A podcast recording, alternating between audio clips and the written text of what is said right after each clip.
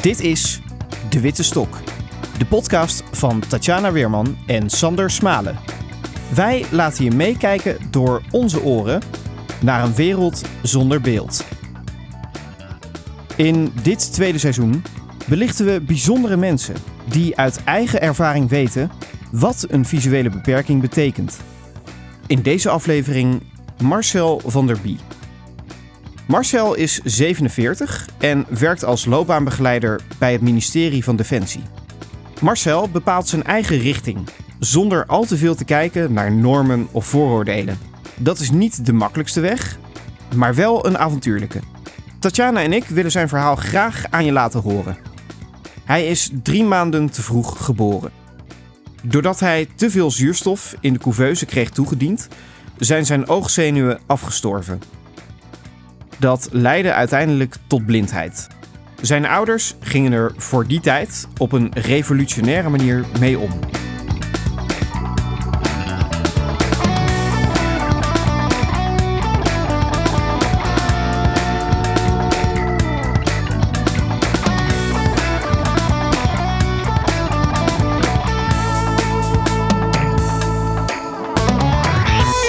Heeft echt wel negen maanden geduurd voordat ze er echt achter waren wat er aan de hand was. Dus mijn ouders uh, die hebben ook echt wel even moeten zoeken van, goh, wat is er nu precies? En ze merkten wel dat ik reageerde op, op voornamelijk op geluid, maar ik draaide niet mijn gezicht naar prikkels toe of naar mensen toe. En daardoor merkten ze eigenlijk van, goh, ja, waarschijnlijk is die blind of is er iets anders aan de hand. Nou, na heel veel onderzoeken zijn ze erachter gekomen dat mijn ogen echt allebei niet functioneerden. En mijn ouders hebben mij in dat opzicht zo, ja, normaal mogelijk opgevoed. Die hadden zoiets van, joh, je kan alles behalve zien, uh, dus je doet het maar. Um, een voorbeeldje hoe mijn ouders ermee omgingen. Er werd vanuit de instanties destijds gezegd van blinde kinderen, die kruipen vaak niet. Dat kunnen ze niet of dat willen ze niet. Mijn ouders hadden zoiets van, joh, nou ja, waarom zou een blind kind niet kunnen kruipen? Hij heeft twee benen, hij heeft twee armen, hij heeft een lijf. Dus technisch gezien moet hij het kunnen. Dus toen zijn ze begonnen met een kookwekkertje net buiten mijn bereik te zetten. en dat ging geluid maken, net zolang totdat ik daarop afkroop. En vervolgens werd dat de stofzuiger. En toen uh, kon een blind kind in één keer wel kruipen, zeg maar. Dus ze hebben me echt wat dat betreft wel helemaal gestimuleerd om echt ook ruimtelijk actief te worden. En ook gewoon ja, alles te doen wat je met die handicap uh, wel kunt, zeg maar. Hebben je ouders daar ervaring in gehad al eerder? Helemaal niet. Ik ben de oudste. Ik ben ook de enige blinde in ons gezin. Uh, het was voor hun echt helemaal nieuw. Ik denk dat het relatieve voordeel is geweest dat ik vrij jonge ouders heb. Uh, dus dat ze zoiets hadden van ja, lekker boeien, we gaan het gewoon doen. Hè, dus ze zagen echt geen beperkingen. Ze dachten echt van joh, we gaan het gewoon zien en we kijken waar we uitkomen.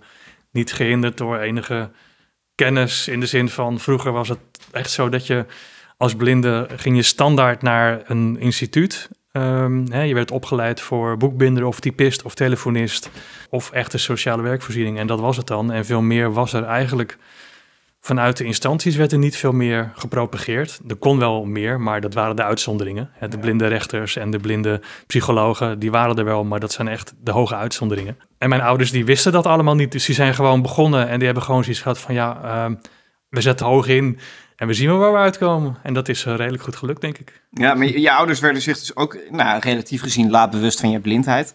Maar wanneer ben je zelf bewust geworden dat jij dus anders bent dan anderen? In die zin dat je dus het niet ziet? Ik denk dat dat in fases gegaan is. Even een voorbeeldje. Ik ging naar een kleuterschool met allemaal goedziende kinderen. En ik was de enige blinde kind. En ik had eigenlijk gewoon geleerd van ja, ik, ik kon zelfstandig zijn. Ik kon me, hè, met, met echolokalisatie deed ik toen ook al veel. Dus ik kon me ook in principe redelijk goed redden. Zeker in ruimtes die overzichtelijk waren. En op een gegeven moment moesten we een dansje instuderen voor de gymles op de kleuterschool. En uh, wat dat, dat allemaal gedaan. En ik, kan me dat, dat dansje niet meer herinneren.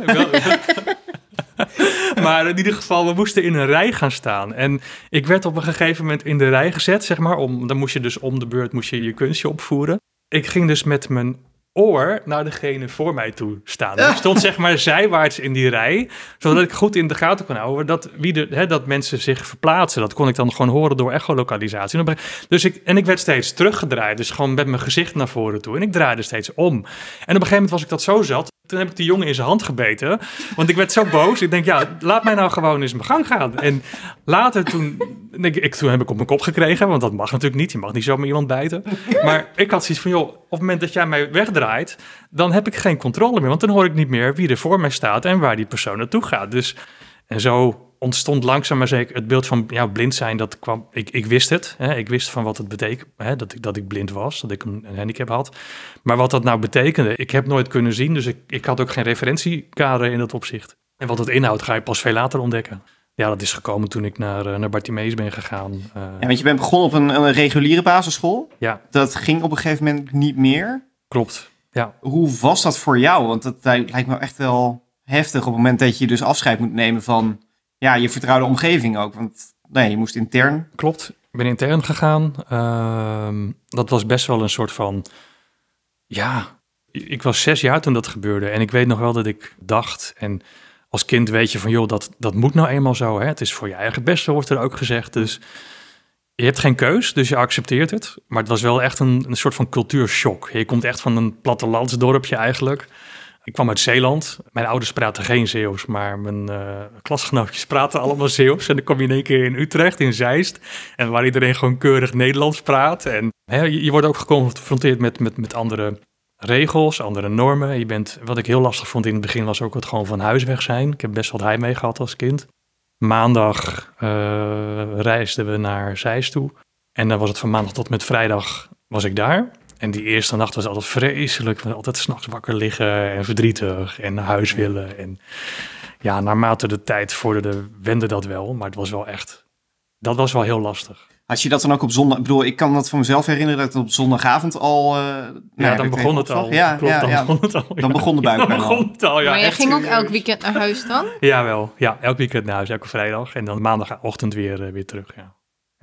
En het geloof werd er nog veel mee gedaan. Ik kan me voorstellen dat het voor jou ook wel een ding moet zijn geweest. Niet heel veel. Nee, mijn ouders zijn gelovig, maar we deden er niet zo gek veel mee. Uh, dus ja, toen kwam ik in één keer wel thuis van Bartimeus met allemaal enthousiaste kinderbijbelverhalen en zo. Dus dat kan ik me nog wel herinneren. Nou, een leuke anekdote was toen ik thuis kwam op een gegeven moment na de eerste selectieweken waren dat. Dus dan werd, hè, dan werd je in een groep geplaatst en er werd er gekeken, goh, pas jij in die groep? Dat is allemaal leuk en allemaal nieuwe vriendjes leren kennen, want zo werd het dan ook gebracht. Hè? Van, ja, en uh, ook leuke muziek. We hadden toen, uh, de cd bestond nog niet, om even een kader te schetsen. dus we hadden LP's en er stond, lag daar een LP van, uh, van Ellie en Rickert.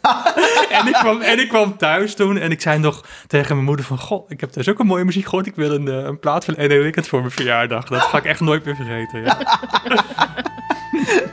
Heb je die gekregen? ik heb hem uiteindelijk heb ik hem niet gekregen, nee.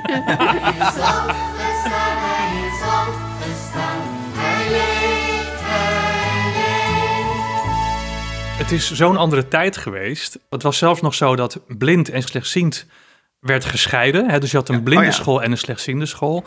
Um, wat heel fijn was, was dat je gewoon blind kon zijn. Ik kon gewoon zonder stok over het terrein lopen, door de school lopen. Er lagen allemaal van die lijnen langs de straatkanten, zeg maar. Dus ik heb daar ook gewoon gefietst. En op het moment dat ik op die ribbels fietste, wist ik van... oké, dan moet ik iets naar links staan, dan zit ik weer goed. Alles was in braille. De docenten waren ook gewoon goed, zeker op de basisschool, goed toegerust om dingen uit te leggen. Vooral het sportonderwijs, het bewegingsonderwijs vond ik heel fijn. Hardlopen op een 100 meter hardloopbaan. Dat zijn hele gave dingen geweest die ik anders nooit had kunnen doen. En dat vind ik wel echt de voordelen. En nadelen zijn natuurlijk ook is het, het verder reizen. Uh, het niet opgroeien in je eigen gezin. Dat vind ik denk ik wel echt een, een groot nadeel. De mensen met wie ik in de leefgroep woonde, die eerste jaren, daar zat ik ook mee in de klas. Dus je krijgt een heel beperkt referentiekader eigenlijk. Na de basisschool volgde Marcel de MAVO. Dat was nog binnen de muren van Bartimeus. Vervolgens deed hij de HAVO op een reguliere school. Dat was wel even wennen. Ik ben eigenlijk heel vroeg al gaan compenseren. Dat niet kunnen zien, gaan compenseren in gedrag. Maar zo zien mogelijk overkomen. Die blindheid een soort van, ja, ontkennen is niet helemaal het goede woord, maar... Uh, een beetje wegmoffelen. Een beetje wegmoffelen, echt een beetje onder de stoelen of banken stoppen. Um, daar ben ik heel lang heel goed in geweest en ik kan het nog steeds heel goed. Op Bartimeus kon je prima zonder stok lopen, uh, omdat dat in die context paste. Er liepen daar meer blinden, dus mensen letten er ook op. Als ik dat op het lyceum deed waar ik toen zat, um, dan werd ik niet gezien als blinde, maar dan werd er gezegd, hey, kijk eens even uit je doppen, uh, eikel. Oh, ja. Weet je, en daar heb ik natuurlijk zelf een heel groot aandeel in, want ik, ik laat niet zien dat ik blind ben. Dus, en toen zeker niet, want dat is helemaal niet stoer om met je stok door de, door de, door de gangen te lopen. dus, oh man, ik ben daar echt 80 keer van dat bordes afgeflikkerd. Maar mijn klasgenoten hadden wel zoiets van, joh, wat stoer dat jij zonder stok loopt en wat stoer dat je niet bij, want er zaten er wel een aantal meer blinden op dat lyceum. Maar ik ging daar nooit bij zitten. Ik ging gewoon met de rest van de jongens in de aula zitten. En dat werd alleen maar gewaardeerd, waardoor ik alleen maar werd bevestigd in mijn compensatiegedrag. Zo van, joh, ja, daar maak je vrienden mee. En aan het eind van de dag kom je dan wel doodmoed thuis en denk je uiteindelijk van, goh, wat heb ik nou, uh, hoe goed kennen vrienden je nou eigenlijk? Pas later ga je daarover nadenken en heb ik daar ook echt bewust andere keuzes in gemaakt. Dat eerste jaar is bij mij bijna misgegaan op um, hoe ga je om in zo'n nieuwe groep? Hoe ga je om met het feit dat je ineens als, ja, toch als blinde leerling in een groep met ziende leerlingen zit? Ehm, ik ging, hè, wat ik al zei, ik ging heel erg compenseren, waardoor het leren voor mij op de tweede plaats kwam te staan. En het voor mij het belangrijkste was meedoen in die groep. Uh, je weg vinden, je plek vinden. En toen zei mijn mentor notabene, die had wel meer blinde leerlingen in de klas gehad. Maar was geen deskundige op dat gebied. En die zei op een gegeven moment van, joh, kom eens even zitten. Dus nou, wij hadden een uh, gesprekje. Hij zegt, ik zie dat het niet goed gaat. Ik zie dat je qua leerstof achterblijft. Het was ook nog eens een Montessori school, dus ik mocht ook mijn eigen tempo bepalen. Hij zegt, ik zie dat je niet alle taken nog hebt gedaan. En ik zie dat je het gewoon um, moeilijk hebt in de klas. Hij zegt, als je zo doorgaat, ga je blijven zitten. Dat is helemaal niet erg. Uh, maar als je iets nodig hebt van mij of van wie dan ook, trek aan de bel, geef het aan. Toen dacht ik van, god, dit is voor het eerst dat iemand vanuit die rol ziet wat er gebeurt, maar wel de verantwoordelijkheid bij mij laat. Van joh, wat heb je nou nodig? Ik weet nog wel toen ik op een gegeven moment. Dat was echt zo'n zo'n moment. Ik was op vakantie in Tsjechië met een groep. En ik was de enige blinde in die groep. En dat was, nou, het klikte niet zo goed. Het was een beetje een waardeloze groep. Nou ja, een avondje doortanken, behoorlijk wat bier gedronken. En ik op een gegeven moment, ik wilde van de tent, wilde ik naar het toilet of zo, weet ik Ik moest ergens heen en dat lukte niet. Niemand van die groep wilde mij ook begeleiden. Toen dacht ik, op een gegeven moment werd ik zo kwaad. Ik denk, godverdomme jongens, nu is het klaar. Toen heb ik mijn stok gepakt en dan heb ik gedacht, jongens, vanaf nu hoort die stok gewoon bij mij. Gaat hij gewoon overal mee naartoe.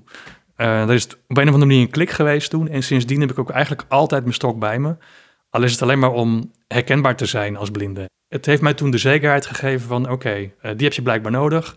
Mensen zien daardoor aan jou dat je blind bent. Dat is niet altijd leuk, maar het is wel duidelijk. En daar is denk ik wel het begin ook ontstaan van iets waar ik me nu heel erg hard van maak. Probeer ook eigenaar te zijn van je beperking. Je kan niet de verantwoordelijkheid voor je handicap bij de maatschappij of bij de ander neerleggen. Je kan hooguit aangeven wat je nodig hebt. En het is fijn als mensen rekening met je houden. dat moet denk ik ook wel voor een deel. Maar je bent zelf in de regie over wat je wel of niet deelt over je beperking. En dat vind ik wel een hele belangrijke. Ja, maar je had die confrontatie dus blijkbaar wel nodig. Ik bedoel, er zullen genoeg mensen zijn geweest, ook vanuit ja. Bartimeus, die hebben gezegd, nee, niet stel naar mij. Ja, maar dat, dat... absoluut, zeker. Ja. Daar luister je niet naar. Nee, dat, nee, dat, ken ik zelf ook wel, ja. ja, je moet er denk ik echt zelf aan toe zijn. Dat denk ik echt. Iedereen kan het tachtig keer tegen je zeggen, maar op het moment dat je, ik was er toen ook blijkbaar aan toe. En toen paste dat, ja. Ik wil nooit anders zijn. Dat wil ik nog steeds niet. Dat vind ik soms lastig, omdat ik wel anders ben. Um, doordat ik niks kan zien. En doordat ik ja, gewoon ook misschien wat anders in het leven sta. Maar in, het begin heb ik heel lang mijn best gedaan om dat niet te zijn. En op het moment ja, dat je weer eens buiten een groepje valt, of weer te langzaam bent, of weer niet mee kan doen omdat je geen fiets hebt, of weer. Dan moet je uiteindelijk gewoon toch concluderen van: oh shit, ik, ik heb het ermee te doen. Ik ben nou eenmaal anders. En je kunt heel veel dingen wel, maar er zijn ook dingen die gewoon niet kunnen of anders moeten. En ik denk dat ik pas later Ehm, echt in mijn studententijd ben gaan zien van... oké, hoe wil ik dit nu zelf eigenlijk? Wat is hier nu prettig aan? Ik ben maatschappelijk werk gaan studeren na, na de HAVO. Die eerste twee jaren gingen eigenlijk heel erg... ja, dat ging heel erg vanzelf. En toen kwam de stage om de hoek kijken... waarin je dus ook geconfronteerd wordt met een stukje uh, van die handicap, het reizen... Um, het omgaan met anderen, wel als volwaardig professional gezien willen worden in een ziende omgeving, zeg maar, om het maar zo te zeggen. In een omgeving waar iedereen gewoon goed kan zien. En uh, wanneer kom je daar als blinde stagiair binnen. Dan denk ik, oh, hoe gaan we dit nou aanpakken? Nou, dat heeft wel wat extra tijd gekost, ja. Ja, ja. ja. maar die, die, die opleiding vind ik wel een dingetje, want dat is toch ook wel uh, gebaseerd, denk ik, voor een deel op non-verbale communicatie. Ja. Um, hoe heb je dat opgevangen? Um, dat is een, ook weer een dingetje. Uh, ja, ik, ik, non-verbale signalen, die kan je natuurlijk niet zien. Maar vaak merk je wel of hoor je wel ehm, wat er gebeurt of dat er iets gebeurt. En um, ik denk dat ik pas later, tijdens mijn opleiding tot maatschappelijk werk, heb ik dat me wel gerealiseerd. Maar ik, ben dan, ik heb daar niks mee gedaan. Ik ben toen ooit eens door een supervisor in mijn derde stagejaar. Dan moest je verslagen schrijven van de dingen die je deed en van de gesprekken die je voerde. En ik had tijdens een reflectie uh, verslag wat ik schreef, had ik in dat verslag gezet dat ik uh, bepaalde dingen voelde in dat gesprek. Dat ik dingen gewaar werd, dat ik me ineens heel verdrietig voelde in dat gesprek of onrustig voelde worden. En toen zei die supervisor van, joh, dat zijn dingen daar heb je blijkbaar iets mee. Dat voel jij blijkbaar aan in gesprekken. En dat zou heel goed het gevoel van die ander kunnen zijn. Heb je dat wel eens gecheckt? Ik zeg nee, vind ik nog nooit gedaan, want dat vind ik helemaal niet, niet, niet objectief, vind ik helemaal niet zuiver. Nou, toen heb ik dat een beetje laten, laten lopen en gedacht van, goh, wat moet ik daarmee? Ehm, nou, dan maak ik een hele grote sprong in mijn carrière, want ik heb een tijdje ook na mijn opleiding zoiets gehad van, nou, nu ga ik gewoon werken en even niet aan mezelf werken, maar gewoon Hè, gewoon even genieten van het leven en geld verdienen. later ben ik, heb ik de switch gemaakt naar het personeelswerk. En ben ik de opleiding tot loopbaancoach gaan doen. En in die opleiding kwam ik exact hetzelfde punt weer tegen. Dat ik ook in gesprekken van hè, soms dingen voelde, ervaarde, uh, merkte. Maar dan jaren later dan? Jaren dus? later, dan heb ik het echt over zeg maar acht, negen jaar later, waarin dat ineens weer de kop opsteekt. En toen dacht ik, goh, ik moet hier blijkbaar toch iets mee. En toen ben ik dat heel voorzichtig gaan benoemen. Op het moment dat ik iets merk in een gesprek, of als ik me ergens ongemakkelijk bij voel, of als ik ergens iets, iets, iets überhaupt maar merk waarvan ik niet weet waar het vandaan komt, maar gewoon door het te benoemen.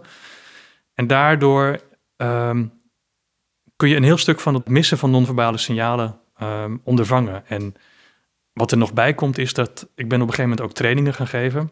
En ik had een collega met wie ik die trainingen gaf en die zei op een gegeven moment van joh, als jij trainingen geeft, dan kun je dat niet zo doen zoals ik. Met twee goede ogen. Uh, jij zal daar echt jouw eigen manier in moeten vinden. En um, je eigen waarneming blijven volgen. Dat ben ik gaan doen. En ik ben heel erg gaan letten op van, goh, wat, letterlijk wat hoor ik nu, wat ervaar ik nu. Dan zit je in gesprek en dan komt er in zo'n train of dan zit een cliënt die pakt in één keer iets uit zijn zak. Dan kan ik wel zeggen van, goh, word je verdrietig? Denk ik, nee, ik zeg, ik hoor dat je iets uit je zak pakt. Wat heb je daar? En dan maak ik wel bespreekbaar wat er gebeurt. Ehm, of als iemand zijn hoofd wegdraait. Dan moet die ander gaan beschrijven wat hij doet, uh, waarom hij dat doet. En ik interpreteer dat natuurlijk wel, dus dat kan ik ook benoemen.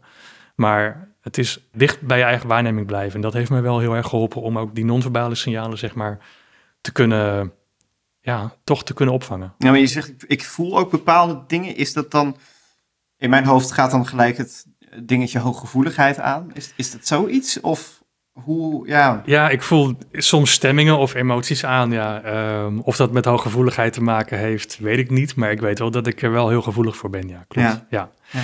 En dat is ook iets waarvan ik denk van... Ehm, ik, ik denk door het niet kunnen zien... Ehm, heb je, maak je toch een andere, maar maak ik, laat ik voor mezelf spreken, een andere ontwikkeling door. En is in mijn geval dat gevoel gewoon echt, dat staat gewoon altijd aan. Uh, dat kan ik ook niet uitzetten. Dus dat is mijn primaire zintuig geworden. Je hebt met uh, ja, een, een, man of tien in een studentenhuis gewoond. Klopt. Dat lijkt me ook wel ingewikkeld. Als je al die indrukken dan ook nog eens binnenkrijgt en je moet jezelf daar dan ook nog eens zien te redden. Hoe, hoe is dat gegaan? Ja, was waanzinnig. Dat was heel gaaf. Dat was eigenlijk Hè, wat ik al zei, ik kom natuurlijk van een speciaal onderwijssetting af, ook intern gewoond, uh, begeleid kamerwonen gedaan vanuit Bartimeus ook. Toen ben ik uiteindelijk gaan hospiteren, gaan zoeken naar een, naar een woning. En ik kwam daar in dat huis en het was meteen klik. Ik kwam daar binnen en er zat een jongen op de bank gitaar te spelen. Uh, er werden wijntjes ingeschonken. Ik denk, oh. En ik was als eerste binnen en van de hospitanten als laatste weer weggegaan. dus ik had ook echt iets van, jezus, wat gebeurt hier? En het was zo ongedwongen en zo we hadden ook gewoon een goed gesprekje. En ik had ook zoiets van, ja, wat, wat willen mensen überhaupt dan met, met, met een blinde jongen in huis eh, wonen, zeg maar. Ik heb ook aangegeven, god, daar en daar heb ik misschien wat assistentie bij nodig. Ehm, hele praktische dingen, als misschien de wasmachine. Hè, als iemand die even op een bepaald puntje wil zetten. En oh, dan zetten we hem gewoon op B. En als we dat met elkaar afspreken, dan kun jij gewoon standaard je was doen. Weet je, dus er werd al meteen heel praktisch meegedacht. En ik weet nog, toen ik s'avonds om 12 uur werd ik gebeld door een van die jongens. En die zeiden, ja, we willen jou uh, graag als huisgenoot. En ik viel echt helemaal stil. Ik zeg, joh, ik zeg, weet, weten jullie het echt wel zeker? En toen hadden ze echt iets van, ja, als we het niet hadden gewild, dan hadden we jou niet gevraagd. En laterhand, echt heel veel later, toen hoorde ik ook nog tegen, dat ze tegen mij hebben gezegd van, joh, we wilden hem echt gewoon um, als huisgenoot, omdat het gewoon een leuke gast was. En dan heeft die handicap helemaal niks mee te maken. Toen dacht ik, wauw, dat was voor het eerst ook, en dat voelde ik toen al, dat je dus zelf kiest voor een groep maar die groep kiest ook voor jou. Hè? Ik had echt voor dat moment gewoon het gevoel van, ja, je hoort hier gewoon bij. En als je dat gevoel hebt, dan is het ook niet meer zo lastig om dingen over je handicap bespreekbaar te maken. Het is geen issue. Het was, was gewoon helemaal niet. We gingen gewoon kamperen met die groep. En er was altijd wel iemand die even een, een keer extra naar, naar, het toilet wou lopen. Of als er een keer een scheerlijn... Ja, dan ging ik een keer op mijn bek over een scheerlijn. En hoe ging dat in huis? Uh... Het was één grote chaos.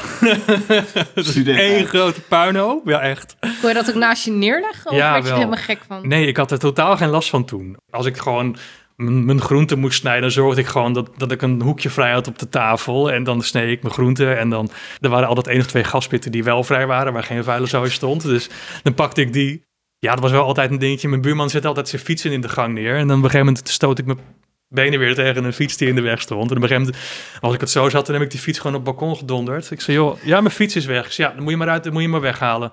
Weet je wel, zo. En dan ging het weer een tijdje goed. En dus het reguleerde zichzelf ook wel. Ja, het was gewoon een hele mooie tijd. Ja. Dat klinkt echt fantastisch, ja. Ja, en het leuke was ook, ik had uh, in die tijd ook wel meer blinde vrienden. Um, die in de buurt woonden en die kwamen ook en die zeiden ook allemaal los van elkaar van joh, dit is echt een huis. Ze tekenden ervoor, die hadden er ook wel graag willen wonen. En er was ook geen enkel, het was mooi, want dat was ook zoiets. Ik heb me in het begin, zeker toen, best wel een beetje geschaamd voor mijn handicap. En als ik dan blinde vrienden op bezoek had, vond ik dat best wel eens lastig. Zo van joh, dan zien mijn huisgenoten ook um, ja, met wie ik omga. En dat vond ik best wel spannend. Hoe zouden ze erop reageren? En toen ben ik echt een keer terecht gewezen. Van, jij moet hier echt mee stoppen. Dit gaat helemaal nergens over wat jij doet. Uh, want we hebben jou ook geaccepteerd. En dat is ook geen issue. Toen dacht ik, oké, hier heb ik dus nog wel een dingetje te doen voor mezelf. en toen je in die studentenwoning zat, toen kwam ook langzamerhand het idee voor een geleidehond. Ja. Hoe is dat zo gekomen? Even kijken, toen ik mijn eerste geleidehond aangevraagd heb, was ik denk 20.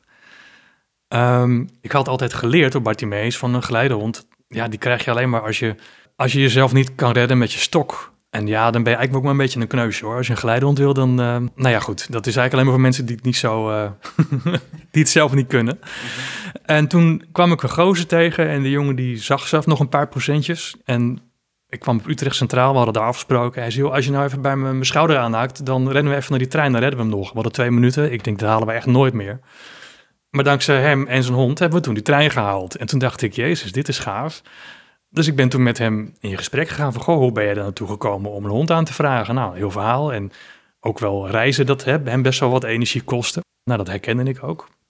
Zeker op onbekende plekken en druktes. En toen dacht ik, goh, zou dat misschien dan toch iets voor mij kunnen zijn? Dus toen ben ik met nog een paar mensen gaan praten. En heb ik eigenlijk ontdekt van, joh, dat idee van een hond, dat je hem krijgt als je zelf gewoon goed met de stok naar redt, dat is gewoon echt onzin. Je moet echt voor een hond kiezen, het moet bij je passen, het moet in je leven passen. Ehm, het is een hulpmiddel, het levert je best wel wat op in die zin. De reizen kost me nu een stuk minder energie. En je moet er denk ik ook aan toe zijn qua uh, achteraf. Want ik woonde toen nog op een studentenhuis uh, toen ik die aanvraag deed. En die trainer die kwam ik woon op een kamer van drie bij vijf. Ik kreeg ook wel echt de juiste vraag hoor, die, waar ik eigenlijk ook toen gewoon totaal niet bij na had gedacht, maar die wel relevant waren. Van goh, wat vinden je huisgenoten er nou van? En hoe zie je het dan voor je met je familie? En heb je genoeg hè, mogelijkheden om je hond uit te laten? En denk oh ja, moet ik ook allemaal rekening mee houden. En uiteindelijk, ik had ook nog een rat als huisdier toen. Dus het was gewoon best wel een, heel ander leven. En uiteindelijk ehm, is mijn hond daar wel gekomen. Eh, toen was mijn ratje inmiddels, uh, die was er niet meer. Maar ik heb wel met die hond een jaar lang in die kamer gewoond. Ja, maar goed, dat moet toch ook wel...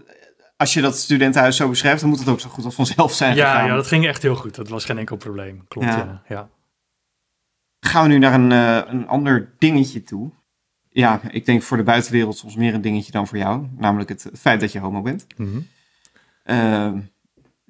ja, dat, is, is het ook een beetje rond die tijd dat, dat, dat je dat merkte? Of ehm, al eerder? Ja, ik denk dat ik... Wanneer kwam ik erachter? Ik denk toch wel een beetje in mijn puberteit. En dat was wel lastig hoor toen. Ehm, sowieso voor mezelf. Dat ik denk van, goh, wat wil ik er nu überhaupt mee? Dat was best wel een worsteling. En wat, nou ja, wat, wat is er aan de hand? Want ik voel mezelf gewoon Marcel. En het beeld dat ik had van nou, als je homo bent, dan ben je toch wel een beetje verwijfd en dan ben je nichterig en dan heb je dit en heb je dat. En dat herkende ik helemaal niet. En in die tijd was het ook echt moeilijk bespreekbaar, zeker op het instituut, vanwege het geloof misschien. Het was christelijk, hervormd. En ik weet nog dat ik, uh, we hadden een, een groepsleidster die uh, op vrouwen viel, die lesbisch was. En ik heb toen geprobeerd om met haar het gesprek aan te gaan. Natuurlijk niet heel rechtstreeks, want dat durf ik dan niet. Maar ze reageerde er eigenlijk helemaal niet op. Toen dacht ik, oh, nou ja, dan is het blijkbaar niet, hè, toch niet het juiste moment of de juiste plek hier. Dus dan heb ik het maar weer gelaten voor wat het was. En ik heb het geluk gehad dat ik eigenlijk toen ik naar de HAVO ging, of iets daarvoor, ook wel in contact kwam met stichting De Kringen. Eigenlijk zijn het gespreksgroepen waar je dus in gesprek kunt gaan over homoseksualiteit en wat het voor je betekent. Uh, daar heb ik toen wel wat, uh, ja, eigenlijk voor het eerst ben ik daarover gaan praten. Want ik, ik heb het ook voor mijn vrienden heel lang nog geheim gehouden. Zeker tot in mijn studententijd. Want toen ik daar eenmaal in dat huis ging wonen, ben ik ook heel voorzichtig begonnen om het te onderkennen, te ontdekken. En te denken, als ik dan echt op mannen val, dan moet ik het ook maar gewoon heel voorzichtig gaan vertellen tegen vrienden en huisgenoten. En daar werd gelukkig vrij positief op gereageerd. Dus ja, naarmate je dat een paar keer ervaart, dan gaat ook die belemmering er wel vanaf. En toch heb ik ook het gevoel dat het dus best wel snel uh, gegaan is. Want nou ja, op je LinkedIn zag ik ook dat je bij de NVSH ondersteuning ja, ja, gaf ja, aan, aan, andere cliënten en advies van, nou ja, over gender en, en, en nou ja, seksualiteit. Ja, klopt ja. Daarvoor moet je toch, nou ja, dat deed je toen was je begin twintig, dan moet je toch al erg stevig in je schoenen staan om dat bij anderen daarover te kunnen adviseren. Klopt ja, ja. Ik denk wel dat het inderdaad. Um, in die periode kreeg ik ook mijn eerste relatie. Uh, ik, ik, deed natuurlijk maatschappelijk werkopleiding. Hè, dus dan mm is dus ook een opleiding die uh, relatief toen nog tolerant was. We hadden een hele linkse club waar toch wel wat, wat, wat anders geaarde mensen op zaten. Een, een docent die homoseksueel was. Nog, nog geen transgenders, maar dat was wel iets wat toen ook wel bespreekbaar werd. We hadden een docent die, uh, die ook wel wat alternatieve ideeën had over van, goh, hoe kun je nou non-verbale signalen herkennen? Maar dat, goed. Uh, nee, dat was wel grappig, want nou goed, dat was bij ons niet meer zo. Maar die had op een gegeven moment in een eerdere lichting, had, had zij eens voorgesteld om als groep zeg maar alle kleding behalve de onderkleding uit te trekken, zodat je goed de non-verbale signalen kon zien. Nou, dus dat was het, het klimaat was gewoon heel open. Um, en dat heeft me ook wel gewoon gestimuleerd om ja, en de NVSH. Ik, ik, was natuurlijk zelf heel erg wel bezig met mijn identiteit, ook in die periode. Van joh, wie ben je als mens? Eh, wat betekent je beperking? Wat betekent je geaardheid nou voor je? Daarin ook heel erg ontdekkende. En de, dat NVSH, dat was de Nederlandse Vereniging voor Seksuele Hervorming, die inmiddels al lang niet meer bestaat, maar in de jaren 60, 70, misschien jaren 80 ook nog, best veel impact heeft gehad. Uh, bij de seksuele revolutie, de komst van de condooms, eh, de pil, voorboedsmiddelen. En later in de jaren negentig, toen ik daar heb gewerkt, was het eigenlijk al voor een heel groot deel. Uh, had het zijn functie verloren, omdat zeg maar de condooms en de pil waren ingeburgerd.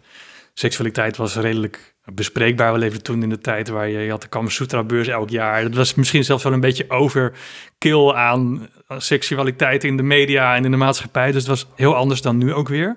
En we hadden nog een club hulpverleners, waarbij mensen terecht konden met vragen rondom genderidentiteit, seksualiteit ja, al, dat soort thema's. Dus ook daar ook heel veel geleerd hoor, trouwens. Dus ja. Je hebt wel eens wat vragen opgesomd uh, die, je, die je veel krijgt van, nou ja, passagiers in de trein bijvoorbeeld. En een van die vragen is, heb je een vriendin? Hoe ga je daar dan mee om? Want dat is ja, hè, men ziet een blinde in de trein, dat is al uh, bijna eng. En dan blijkt ook nog eens dat die homo... Ja, weet je, hoe, hoe, Ja, dat hangt echt wel een beetje van de persoon af. En soms heb ik ook zoiets van, joh, eh, mensen die ik in de trein tegenkom, dat denk ik van, joh, dat gaat je eigenlijk helemaal niks aan. Ik, ik moet wel lachen. Ik had ooit eens een keer, toen kwam ik iemand tegen in de trein die zegt, hoe lang bent u al zo? Ik zeg, hoe lang bent u al zo? Ze zeggen, ja, maar ik ben niet blind. Ik zeg, nee, maar wel verdomd nieuwsgierig. Nou ja, inclusie, en uh, ook wel best wel een belangrijk uh, dingetje zal ik maar zeggen. Er, er, wordt ook veel gelobbyd voor inclusie, maar dat gaat dan vooral over nou ja, dingen als gender en kleur, uh, kleur seksualiteit, dat soort dingen. Ja, ja. Zou dat ook niet meer moeten voor mensen met een beperking? Ja, ik denk het wel. Je ziet het sowieso maatschappelijk gezien, denk ik. En als ik dan toespits op blinden en slechtzienden, zijn wij echt zwaar ondervertegenwoordigd in de maatschappij. Zeker in de beroepsbevolking. Uh, verhoudingsgewijs dan, hè, want je hebt altijd minder blinden en slechtzienden dan goedzienden. Ik denk dat er een aantal dingen meespelen. Um, van werkgevers, een stukje onwetendheid, maar ook van mensen met een beperking zelf. Um, soms ook misschien een stukje angst of een stukje van ik zit al zo lang thuis, wie gaat mij nou nog aannemen? Een stukje gevoel van ben ik het überhaupt wel waard om een baan te hebben? Dat idee. Toen ik nog studeerde dacht ik altijd, mijn grootste angst was om zonder werk thuis te komen te zitten. Dus ik heb er ook heel veel voor gedaan om om, om te werken. Ik heb tijdens mijn studententijd heb ik ook als, uh, als pianist bijgediend. gewoon in een restaurant, om maar gewoon het gevoel te hebben dat ik iets nuttigs deed. Dat was voor mij heel belangrijk en nog steeds. Je merkt wel dat dat je zelfvertrouwen geeft. Op het moment dat je dat zelfvertrouwen niet hebt, dan kun je niet zomaar tegen iemand zeggen van... goh, ga eens eventjes heel zelfverzekerd op gesprek... of ga eens even heel zelfverzekerd naar, uh, naar iemand anders toe. Hè, dat moet je ook ontwikkelen. Je moet ook de randvoorwaarden om je heen hebben om je zelfverzekerd te kunnen voelen. Dus ik denk dat inclusie echt iets is wat van twee kanten moet komen. Enerzijds vanuit de persoon zelf, hè, die ergens bij betrokken wilt worden. In mijn geval vanuit mijn blindheid heb ik zoiets van, joh, als ik ergens aan mee wil doen, dan ga ik eerst bedenken waarom wil ik dat dan en hoe wil ik dat dan en waarom. En dan ga ik gewoon het gesprek aan. Ik heb ook wel dingen gedaan waarbij ik denk, goh, ik ga het gewoon doen. En dan kom je daarna de rand achter dat het soms helemaal niet past. Je moet mensen ook wel een beetje meenemen. Met mijn werkgever ook. Ik ben eerst met mijn werkgever in gesprek gegaan. Met het hele team erbij. Gewoon kennis maken op een één op één niveau. Met mensen in gesprek. Laten zien wie je bent. Klikt het, klikt het niet. Als het niet klikt, moet je er überhaupt niet aan beginnen, denk ik. Mhm. En dan ook mensen vertellen van, goh, uh, hoe werkt dat nou als je niks ziet? Wat zie je nou als je niks ziet? Um, hoe is het als je collega bent van iemand die blind is? Wat, hè, wat, waar merk je dat aan? Wat heb je dan nodig om al dat soort dingen met elkaar te delen? Ja, maar dit zijn best wel elementaire dingen. Hè? Van, van, nou, hoe is het nou om dan collega te zijn van iemand die het niet ziet? Maar ja. hoe, ja, dat is eigenlijk weer de vraag, hoe kom je daar dan achter? Wat, wat vertel je? Wat ik eigenlijk altijd vertel is wat, uh, soms heel praktisch. Ik zeg, ik zie net zoveel met mijn ogen als jij met je rechterknie. Hè? Dus helemaal niks. Op het moment dat ik ergens zit, is het soms handig om even een armpje te krijgen als ik ergens naartoe wil. Of um, als ik in een project zit en ik moet een rapportage schrijven, vind ik het fijn als je even mijn teksten na zou kunnen kijken op lettertype en layout. Al dat soort praktische dingen. En dat probeer ik zoveel mogelijk aan te geven. Um, en dan merk je gauw genoeg of daar ja, ruimte voor is. En ik denk op het moment dat die ruimte er niet is, dan heeft het überhaupt al geen zin om met elkaar in gesprek te gaan. Ja. Ehm, maar daardoor heeft het heeft mij wel geleerd om het zo te doen bij deze werkgever, dat ik nu, hè, op, die ruimte die was er eigenlijk gelijk al. Pas moest ik naar een training toe. Ja, zei een collega van, goh, ehm, we moesten van de ene locatie naar de ander. Ja, spring maar even bij mij in de auto en dan rijden we er even heen. Gewoon vanzelf, dat, hè, dat was geen eens een, uh, een dingetje, hoef ik niet eens te vragen. Maar ik denk ook dat dat gewoon die goede communicatie dan vanuit jou is. Van, hey, wil je dit even meekijken? En dat ze ook zien, jij doet ook je, ja, je best. Dat klinkt zo raar, maar je, investeert. je laat zien wat je nodig hebt. Ik probeer zoveel mogelijk aan te geven inderdaad wat ik nodig heb. En soms vergeet ik het nog wel eens hoor. Dus, hè, maar ik ooit is getriggerd door een collega. Toen had ik, ik moest ergens heen en ik wist de weg niet. En toen zei die collega domweg van, nou je hebt niet goed voor jezelf gezorgd. En dacht ik, godverdomme. Wat een kutopmerking. En ik was ook een beetje boos. Denk, nou ja, je kan het lekker zeggen. Je kan me ook even meenemen nu, weet je wel. Dan deze niet. Toen dacht ik van, nou, ik had dat zelf nooit gedaan, maar het heeft me wel getriggerd van, oké, ik zal dus goed voor mezelf moeten zorgen. Wat betekent dat dan? dat is gewoon ook aangeven wat je nodig hebt en waar je behoefte ligt. En op het moment dat je hulp nodig hebt, dat ook gewoon durven vragen. Maar is dat ook het, het, het ja, tussen haakjes geluk dat je dan hebt gehad? Ik bedoel, je, je wilde uh, in het begin absoluut geen typische blinde baan, hè? dus uh, uh, nou ja, niet telefonist worden. Nou, wat was je eerste echte baan, telefonist bij ja, NS? bij de NS, bij de klantenservice, klopt. Ja. maar, maar is dat ook niet een beetje, nou ja, het wennen aan het bedrijfsleven en zo, dat je dat toch op een relatief laagdrempelige manier dan wel hebt kunnen doen? Als ik nu terugdenk, zeker. Um, en dat is ook wel een beetje een onderdeel van mijn visie die ik heb ontwikkeld. Ik ben natuurlijk, ja, het is, het is allemaal gestoeld wel op eigen ervaring. Ik ben laag begonnen. Ik ben HBO opgeleid, maar ik ben begonnen op MBO-niveau. In een baan die qua uh, zeg maar intellectuele capaciteiten ver onder mijn niveau zat. Maar daardoor wel geleerd om, hè, van hoe vraag je nou op een fatsoenlijke manier om hulp? Wat doe je op het moment dat mensen je niet meenemen? Of dat je geen hulp krijgt, of dat ze je vergeten? Of weet ik, hè, dat je dus leert om om te gaan met je collega's. Um, ook op een prettige manier aan te geven wat je nodig hebt. Niet op een eisende manier, want dat werkt ook weer niet. Ja, ik moet daar en daar naartoe. Uh, ik wil dat jij me even brengt. Ja, dan zeggen collega's ook van ja, dag, uh, de lekker willen. En als ik zeg van goh, uh, ik moet daar en daar naartoe. Ik zoek eigenlijk iemand die me daar misschien eventjes uh, alsjeblieft naartoe zou willen begeleiden. Heb je daar eventueel misschien wel tijd voor? Nou, dan ben ik weer veel te voorzichtig. dus het is een beetje zoeken naar de juiste weg die bij mij ja, in dat geval bij mij past. Of waar ik me goed bij voel, maar ook waar ik denk van god, dit werkt in deze setting. Ik dacht in het begin ook, ik weet nog wel, ik moest een opleiding volgen om een systeem te leren kennen. Nou, mijn collega's kregen één middagje opleiding en dan kenden ze het systeem. Dus ik heb die opleiding meegevolgd. Uh, kwam er toen tijdens die opleiding achter dat het uh, systeem muisloos erg slecht te bedienen was. Hoe ingewikkeld het was om een systeem wat mensen in één oogopslag kunnen overzien, met een braille regeltje uh, en spraaksynthese te moeten snappen. En ook nog eens aan de telefoon je klanten te woord moeten staan. Dat lukte dus niet. En toen heeft een collega gezegd, zij was aan het reïntegreren, dus zij had eigenlijk ook tijd over. Ze zegt, joh, ik vind het helemaal niet erg om gewoon naast jou te gaan zitten en met jou mee te kijken om je te adviezen te geven over hoe je het systeem kan gebruiken. Nou, dat heeft mij ook geleerd om uit te leggen van, goh, wat zie je nou eigenlijk? Hè, ik zette mijn braille viewer aan van Joel, zodat ze kon meekijken en zegt ze, oh, Um, jij ziet dus alleen maar dat kleine hoekje linksboven in je scherm. En als je dan op dat knopje drukt, gaat hij naar beneden toe. Oh ja, ja, ja. Dus zij zag toen ook hoe ik werkte. Ik heb daardoor ook weer geleerd van joh, dingen die voor mij de normaalste zaak van de wereld zijn. Um, want het andere systeem wat we daarvoor gebruikten, daar had ik zo in weten te compenseren dat ik, ik had alle klachtcodes uit mijn kop geleerd. Uh, hè, dus dan was het van tekstveld naar tekstveld springen met je braille regel, uh, code inkloppen, op enter drukken en klaar. Weet je, en op een gegeven moment, dat bouw je ook op, maar op een gegeven moment merk je dus dat dat niet meer voldoet. Uh, er komt een nieuw systeem en dan kun je wel compenseren, maar je zult ook je omgeving moeten meenemen en moeten laten zien van, goh, hoe werkt dat nou echt? Wat doe je allemaal om dat voor elkaar te krijgen? Uh, dus ik liet ze ook mijn spraak horen. Um, op standje 70%. dus dan is echt iets van, huh? hoe doe je dat aan de telefoon? Dus, hè, dus ook mensen meenemen in mijn wereld, zeg maar, plat gezegd. Dat zijn dingen die ik nu nog steeds doe in mijn huidige baan. Doordat ik daar in die baan mee geconfronteerd ben, heb ik daar wel echt de vruchten van uh, kunnen plukken, zeg maar. Ja, want je hebt dus na die uh, periode bij NS de stap gezet om, om mensen te gaan coachen. Was er bij jou de trigger van, nou, en nu wil ik weer eens door naar iets wat op mijn niveau aansluit? Ja, ik wilde al heel lang, zeker die laatste jaren bij de klantenservice, was ik op zoek naar meer uitdaging. Meer werk wat qua niveau wat beter past. En dat lukte me niet. Continu werd ik afgewezen bij sollicitaties. Nou ja, of ik was te langzaam, of het sloot net niet aan, of ze hadden net een betere kandidaat gevonden. Er was altijd wel iets. Mm. En toen dacht ik, goh, wat gebeurt hier nou eigenlijk? En toen heb ik een loopbaantraject gedaan. Toevallig bij een collega loopbaanadviseur, die later mijn collega zou worden. Dat heeft me heel veel gebracht. Zij was goedziende, zij had nooit te maken gehad met blinden. Ik had een afspraak met haar en ik zou uh, naar Amersfoort gaan waar zij zat. En ik wist wel ongeveer hoe ik daar moest komen, maar ik wist het niet exact te vinden. Dus ik denk, nou, dat red ik wel. Dus ik was erheen gegaan en ik kwam te laat, want ik kon de ruimte niet vinden. Dus ik kwam daar binnen en ze zegt, waarom ben je te laat? Ik zeg, nou ja, ik zeg, ik ben niet met de trein naartoe gekomen en ik kon die vinden en de hond en dit. Ja, ze zeggen, je kan ook gewoon even vragen of ik jou van die trein kom halen. Maar als je dat niet doet, dan kom je dus te laat. Daar zijn we toen over doorgegaan en toen uiteindelijk ook met solliciteren. Zo, ja, dus jij gaat als je ergens naartoe gaat. Uh, oh ze vroeg toen ook nog iets anders. En dat vond ik nog wel meer shocking. Ze zei op een gegeven moment van, joh, wat doen al jouw uh, klasgenoten van de MAVO, van Bartimeus? En toen begon ik te lachen. Ik zeg, ja, maar daar moet je me niet mee vergelijken, want die zijn allemaal zo zielig. Ze zegt, wat zeg je nou? Dus ik nog een keer hetzelfde. En nog een keer. En ze zegt, nog, zeg dat nou nog eens een keer. Ik zeg, Jezus, wat bedoel je? Ze zegt, heb je nou echt niet in de gaten wat je zegt?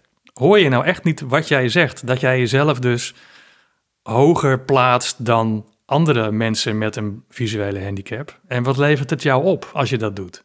Omdat ik merkte van ja, het levert me in elk geval elke keer weer een afwijzing op bij sollicitaties. Dus ik moest eigenlijk toegeven van goh, ik heb ook die handicap en ik ben niet beter of meer dan anderen. Want ik weet niet of dat gangbaar was, maar er was wel een soort cultuurtje bij blinden onderling van... Ja, heb je het MAVO? Oh, ik heb HAVO. Ja, uh, kan je dit, hoe snel kan jij dat? Oh, ik kan dat sneller. En hoe snel staat jouw spraak? Oh, dan is het nog sneller. Zo om te kijken van, hoe goed, hè, om altijd maar jezelf beter te plaatsen dan, dan die ander. Terwijl op de ladder, en dat was gewoon mijn grootste uh, teleurstelling misschien wel ever voor een ziende, of je nou slechtziend bent of blind of wat dan ook, je bent gewoon minder op die ladder dan iemand die ziend is. Dus of je nou je spraak op 70 of 80 procent hebt staan, dat maakt voor goedziende echt een ene moer uit. Dus ik moest eigenlijk gewoon erkennen dat ik een, een, een visuele handicap had en dat ik dus daardoor uh, ja, misschien dingen anders moest doen of, of, of, toch niet harder moest gaan werken, maar uh, moest accepteren dat het zo was. Maar hoe uitte zich dat dan in zo'n sollicitatiegesprek? Ik ging alles vertellen wat ik allemaal wel kon. En hoe snel en hoe goed. En hoe, uh, wat ik allemaal kon compenseren. En dat de regeltjes voor waren. Om je maar te bewijzen. Om me maar te bewijzen. En ook gewoon ja, het feit dat dingen dus niet konden. En als ik dan naar het laatste gesprek kijk. Uh, dat ik ook toen heb aangegeven, goh, ik zou het in het begin prettig vinden als er even iemand bijvoorbeeld met me meekijkt als ik met het systeem aan de slag ga of als ik mijn eerste gesprekken voer. Uh, hè, dat er iemand met me meeloopt om gewoon überhaupt uh, te laten zien hoe er gewerkt wordt dat soort hulpvragen stellen. Ik wilde alles zelf kunnen en dat kan dus niet. Wat mooie vond ik dat ik daardoor die klik heb gemaakt en ook met mezelf aan de slag ben gegaan. Toen na die gesprekken met die collega, ik heb een tijdje uh, psychologische hulp gezocht om ook voor mezelf die slag te maken en te gaan zien van goh, je bent niet per definitie minder omdat je blind bent. Uh, het feit dat je sommige dingen niet kunt of dat dingen soms anders moeten, dat maakt je nog geen minder mens. Maar het is wel lastig als je dat niet aangeeft naar anderen toe of als je het onder stoelen of banken blijft stoppen, want daarmee doe je jezelf tekort. Maar je bent toen ook op een gegeven moment met die collega dus mee gaan lopen, ja, uh, klopt, ja. die coach. En dat was op jouw initiatief. Klopt. Ik wist wel dat ik iets met mensen wilde doen. En ik merkte ook wel van, ja, maar wat, wat dan? Ik heb toen met een maatschappelijk werker nog meegelopen. Ik heb met een HR-adviseur meegelopen. Ik ben toen ook met een collega loopbaanbegeleider een dag mee gaan lopen. Zij had mij begeleid. Ik zei, joh, zou ik gewoon eens een dag met jou mee mogen lopen om het werk ook te kunnen onderzoeken van, hè, wat zij met mij gedaan heeft, was een onderdeel van loopbaanbegeleiding. En toen is echt wel mijn enthousiasme voor het vak ook ontstaan, zeg maar. Ja, ik heb het gewoon gevraagd en zij vond het leuk. En uh, je merkt, ik merkte ook dat ze het leuk vond om over haar vak te vertellen. Dus we hadden ook gewoon een klik onderling. En toen dacht ik, goh, misschien is dat wel iets wat ik zou, zou kunnen, omdat je hè, veel individuele gesprekken hebt met mensen. Uh, nou, dat is iets wat prima kan als je niks kunt zien. Inmiddels werk ik ook met groepen, dat is lastiger, maar dat kan wel. Als je daarin ook zeg maar de juiste randvoorwaarden creëert. Um, wat, wat, zijn die dan? Um, nou, in mijn geval vind ik het prettig om een groep klein te houden, dus max zes personen. En om veel in de groep te doen, dus veel plenair te doen, niet met subgroepjes werken. Ja. Dus dat je toch een beetje het overzicht kan houden en ook je kwetsbaar op durven stellen. Uh, dus als het even niet lukt, om een paar ogen vragen in de groep. Dus eigenlijk een stukje um, dingen loslaten. Ja. Ja, maar dat werkt dan toch ook eigenlijk wel weer positief in zo'n groep, kan ik me zo voorstellen. Ik bedoel, dan is er veel meer aandacht ook voor wat je doet, want er moet iemand met je meekijken. Dan is er al veel meer aandacht dan een groep die passief er zit. Absoluut, ja, zeker wel. Ik werk het liefst, dat, dat vond ik ook heel gaaf om te doen. Ik heb ook met groepen mensen gewerkt die uh, reïntegreerden. Dus of die uh, op zoek moesten naar een baan omdat hun, hun oude werk niet meer ging. Dat waren vaak ook mensen die geconfronteerd werden met iets dat ze niet meer konden. Uh, en in het begin kreeg je altijd wel een beetje, oh, dat zie je niet als ik dat doe. En dan zaten ze met een telefoon te klooien. Ik zei, nou, ik zeg maar, je hebt niet opgelet, want je weet niet wat... Uh... weet je, dus dan probeer ik er altijd of een beetje een geintje van te maken. Maar ik heb ook een paar keer gemerkt van, joh, daardoor, door er open over te zijn, dwing je ook een soort van, ja, respect af, laat ik het maar zo zeggen. Um, want ik moet me gewoon kwetsbaar opstellen, anders kan ik het gewoon niet. Ik moet dat stukje van mezelf delen om een goede trainer te zijn. Het is onderdeel van wie ik ben. En als ik daar niet eerlijk over ben, dan zien mensen dat meteen. Dan merk je meteen dat het in zo'n groep niet werkt, zeg maar. Ik vind het heel belangrijk om zowel mensen in mijn netwerk te hebben die blind zijn, maar ook mensen die goed kunnen zien. De valkuil is best aanwezig, zie ik ook wel om, me heen. Ik zelf ook wel ervaren om heel veel met andere blinden om te gaan. Uh, en dat kan, dat is prima, er is helemaal niks mis mee. Maar het voordeel van een netwerk, zowel binnen als buiten de wereld van blinden en slechtzienden, is denk ik ook dat je makkelijker in aanraking komt met, met het bedrijfsleven bijvoorbeeld ook al, sowieso. Um, en je wereldje wordt gewoon ook een stuk groter, letterlijk en figuurlijk. Doordat je praktisch gezien soms wat verder komt. Dus ik probeer ook die balans altijd wel een beetje in de gaten te houden, zeg maar. Jij identificeert jezelf als non-visueel persoon. Ja. Kun je uitleggen wat je daarmee bedoelt? Voor mij is, is dat iets waar ik de laatste tijd veel over nadenk. Wat betekent het nou om als geboorteblinde op te groeien in een visuele wereld? Als je zegt ik ben blind, dan maak je dus je blindheid tot onderdeel van, of eigenlijk die stel je centraal. En ik vind dat te kort doen aan wie ik ben. Dus ik probeer het ook zo min mogelijk om dat niet te doen. Um, maar het is wel een gegeven. Ik heb nou eenmaal die beperking. Um, waar ik over nadenk en denk van, goh, hoe wil ik dat nou eigenlijk voor mezelf labelen? Uh, wat voor uh, plek heeft dat niet kunnen zien in mijn leven? Is dat blindheid? Is dat anders zien? Is dat non-visueel zijn? Het gaat eigenlijk om hoe ik, hoe ik daarmee om wil gaan ook in mijn leven. Het is een bepaalde manier van waarnemen die totaal fundamenteel anders is um, dan voor mensen die goed kunnen zien. Ook als je het hebt over mindfulness en meditatie, wordt heel veel gebruik gemaakt van visualisatieoefeningen. Dus je moet jezelf zaken inbeelden, zaken voorstellen. Ik kan me heel goed iets voorstellen, maar dat is geen visuele voorstelling. Dat is een andere voorstelling dan puur het, het visueel iets voor je zien. Als ik aan mijn partner of aan een collega vraag van stel je eens voor dat je voor de Eiffeltoren staat, dan kan hij dat voor zich zien. Omdat hij misschien een fotootje kent van de Eiffeltoren of daar ooit geweest is. In mijn geval ziet dat er niet visueel uit, maar ik heb er wel een idee bij. En dat bedoel ik eigenlijk ook met non-visueel zijn. Het is een totaal andere manier van waarnemen, van in het leven staan. Ik denk dat ik nu op een punt in mijn leven ben dat ik denk van, goh, hè, ik wil gewoon vanuit dat stuk gaan leven en dat ook gaan omarmen en gaan zeggen, dit is gewoon wie ik ben. En de term blind vind ik daar misschien wel te kort aan doen. Dus ik ben heel erg, ja, dat is nu wel iets wat nu de laatste jaren heel erg speelt. De laatste twee jaar, denk ik, sinds corona. Toen we ook werden geconfronteerd met de anderhalve meter regel, met de afstand, met ehm, eigenlijk het, het feit dat je dus geen contact meer hebt met je omgeving op gevoelsniveau, op tactiel niveau. Dat heeft me heel erg geraakt ook toen. Daar heb ik echt wel even last van gehad. Zo van, wat betekent dat nu voor... Wat zegt het nu over mijn manier van waarnemen, over mijn manier van leven? Ik heb echt het idee dat geboorteblinden uh, een totaal andere um, cognitieve ontwikkeling doorgaan.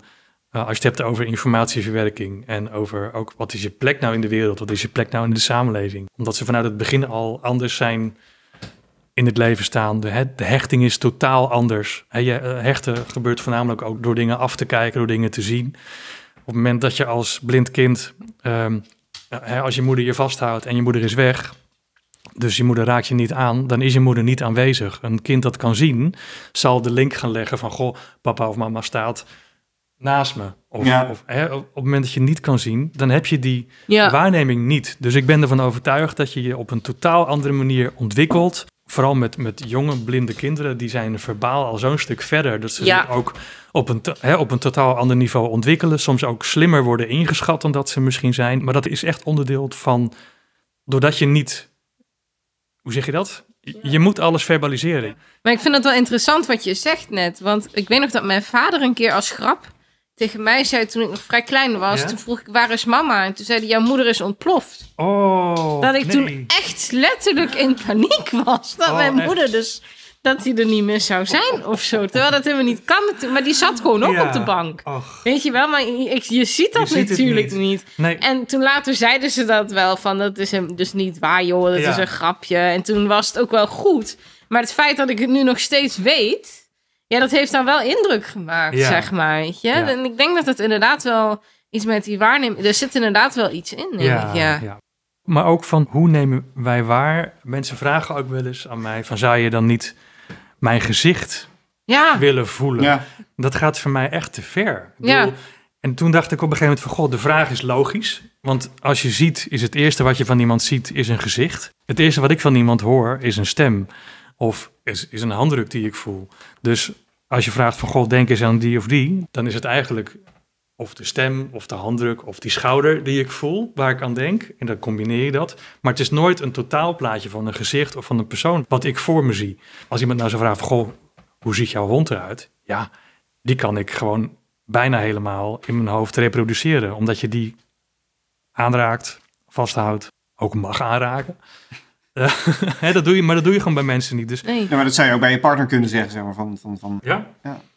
Dat zeg ik ook altijd tegen collega's. Op het moment dat jij je mond houdt en je zit op drie meter afstand van me, dan ben je bij wijze van spreken even weg. Stel je loopt naar de andere kant van de ruimte, uh, dan zit ik, zit ik tegen de muur te praten. Weet je, dat zijn dingen die realiseren mensen zich niet. Omdat ze gewend zijn op het moment dat je iemand ziet of dat je kan zien, dan is alles gewoon continu aanwezig. Op het moment dat je het niet ziet, um, is je wereld toch vluchtiger of anders. En ik denk dat dat ook het meest lastig is voor mensen die blind worden. Dat je ineens geconfronteerd wordt met een stukje controle wat je gewoon mist over hè, de dingen die je voorheen zag. Ineens is dat weg. En moet je het doen met... Uh, ja, vergelijk het maar een beetje tussen het verschil tussen spraak en braille gebruiken. Als ik iets wil teruglezen, gebruik ik toch eerder liever braille dan spraak. Want spraak is vluchtig en op het moment dat die stem klaar is, dan is het weer weg. Dan moet je het onthouden. En zo is het ook met beelden, denk ik. Ja. Een beeld is continu. Een foto kun je op tafel laten liggen. Dan kun je even naar kijken. En op het moment um, dat je een stem hoort, dan is die weg. Op het moment dat die, dat, dat die verstomt. Dit was De Witte Stok. Wil je ons iets laten weten? Mail naar wittestok.gmail.com